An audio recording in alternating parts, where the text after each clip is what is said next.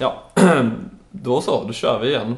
Eh, vi tänkte prata lite om eh, jordens undergång, Ja. som är så poppis nu för tillfället. Nej, men eh, det var ju ett eh, litet eh, event i eh, lördags som eh, kallades The Rupture. Eh, ja, det var ju en amerikansk eh, pastor av något slag. Som eh, eh, helt enkelt hade räknat ut på något sätt genom att läsa Bibeln att det var dags för jordens undergång i lördags. mm, Den 21 maj. ja. Klockan 18. Mm, Det skulle börja med en stor jordbävning i Nya Zeeland. mm. Men allt vi fick var lite aska. Ja, det blev faktiskt eh, det blev ju en, eh, ett vulkanutbrott Ja. åtminstone. Ja. Och eh, ja, Friskt vågat, hälften vunnet, som man kunde ja precis. säga. Nej, men det Nej. var väldigt, det var ju många som hånade Mm. Harold Camping, Mm. eh, som han hette. Men det är inte bara han, utan det är många, det är mycket som talar för att jorden håller på att gå under just nu. Ja, jo. Alltså både, alltså vi har ju, å ena sidan har vi hela 2012-hysterin Mm. Eh, Jo, jo. Mm.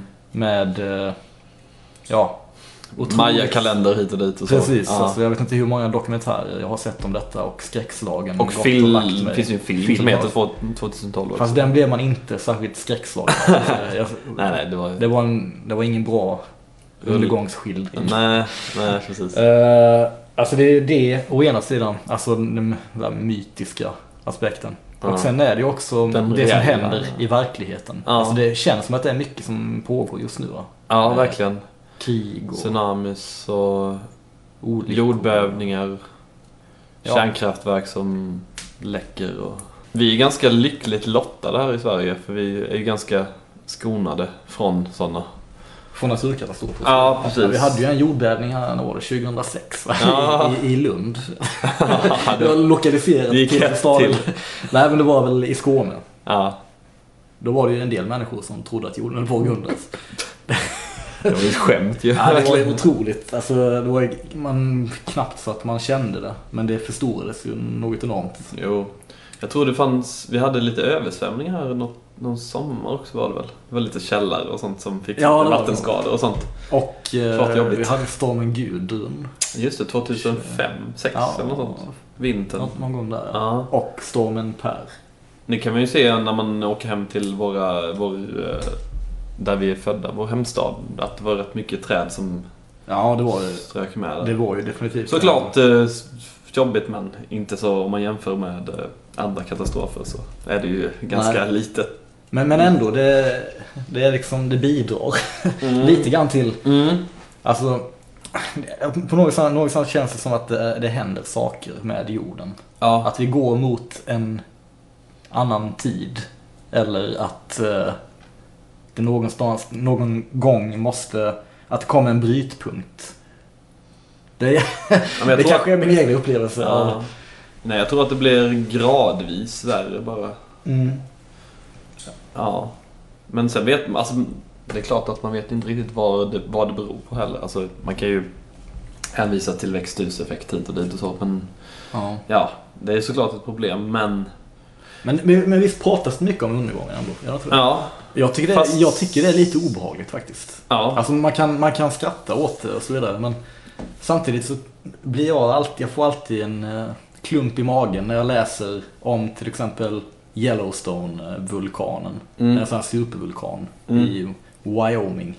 Eh, som eh, eh, tydligen enligt eh, vetenskapen borde få ett utbrott ganska snart.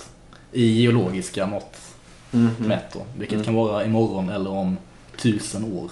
Som Ja. alltid säger på Discovery Channel eller History Channel så här. It could happen today. It could happen tomorrow. Ja.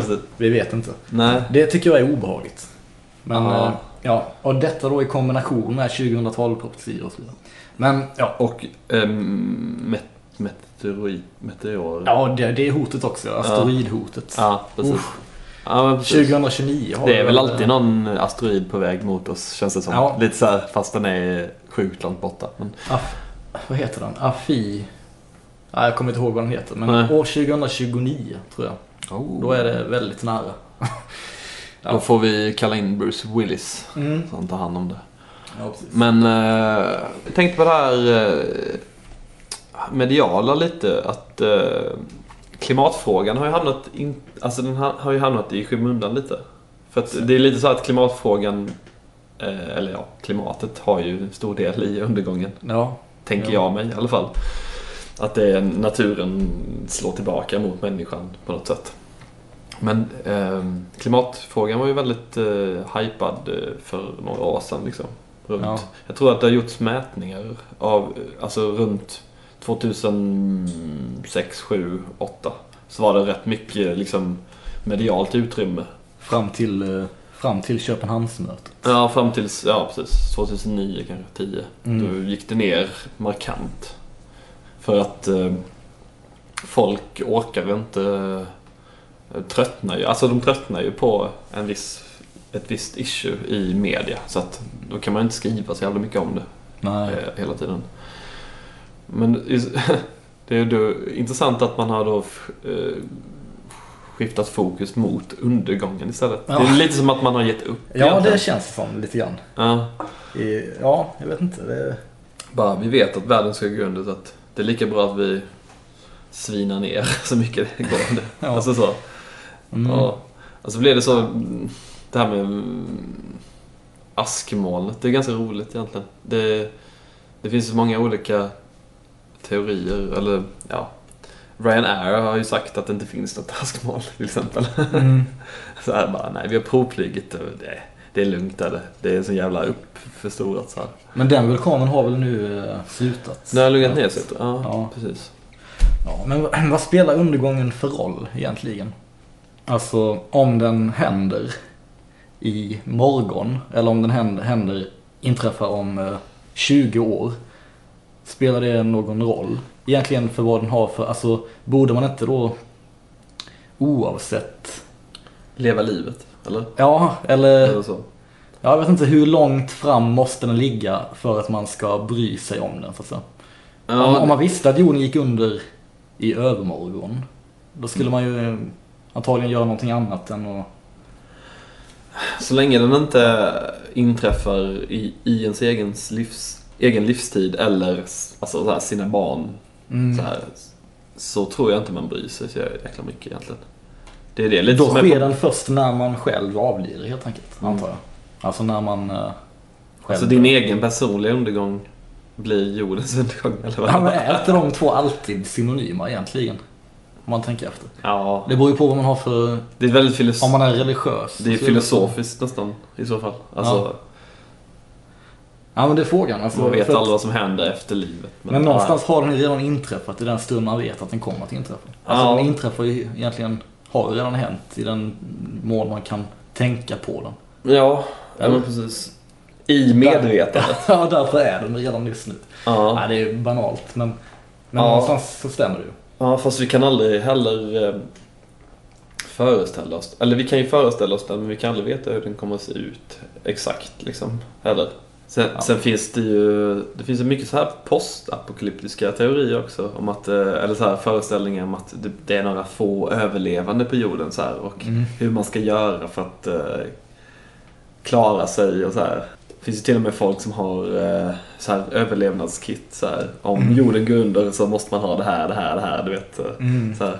Det är ganska intressant. Men, men Va? kan den bara gå under en gång då? Kan det bara komma en asteroid? Om man överlever den första? Eller man överlever Ja. supervulkanen och sen tänker man oh, jag, jag klarar det. Och sen så kommer en asteroid också. Ja, Alltså det är på något sätt, fast jag tänker med supervulkanen då. Jag tror inte hela mänskligheten stryker med av en supervulkan. Jag tror Jo. att det är några som, nej, några som överlever faktiskt. ja kanske men tydligen så är det Alltså några få. det, det är slutet på, ja, ja, ytterst få i Mm. Mm. Eh, Och hur ska de klara sig då? Det är det om som är det intressanta. sig, kommer de då också att klara en asteroid efter det? Alltså, nej men liksom det är ju ingen mening att klara det heller då. För att någon gång kommer det väl ytterligare något. Alltså det är inte så att det sker en undergång och sen är allt frid och fröjd. Utan det hotet kommer ju alltid Ja, finnas. fast, Eller? ja, fast det blir väl som en eh, så här, new beginning då. Alltså en liten omstart i livet. Ja men tänk, då kommer någonting att Alltså, vadå, det blir väl... Jag tror inte det, man då ser det man så. inne på teologi, att det är någon form av teologisk brytpunkt. Ja, fast säg att du hade varit den enda överlevande. Det är lite som den här I am legend om du har sett den, den filmen. När Ja, man är den ja. enda överlevande. det Ja, är inte så att han, han, hans största koncern är att det ska hända en ny ja, undergång så att säga. det är inte det, nej. Nej. Men det borde vara det, eller? Nej, det är mer att han ska överleva. Alltså det är väl, det är väl den primära driften att överleva. Men jag tror att folk tänker fel i att en undergång och sen är det frid och fröjd. Utan En undergång är ingen undergång. Ja, exakt. En gång, ingen gång va. Det är så man måste tänka.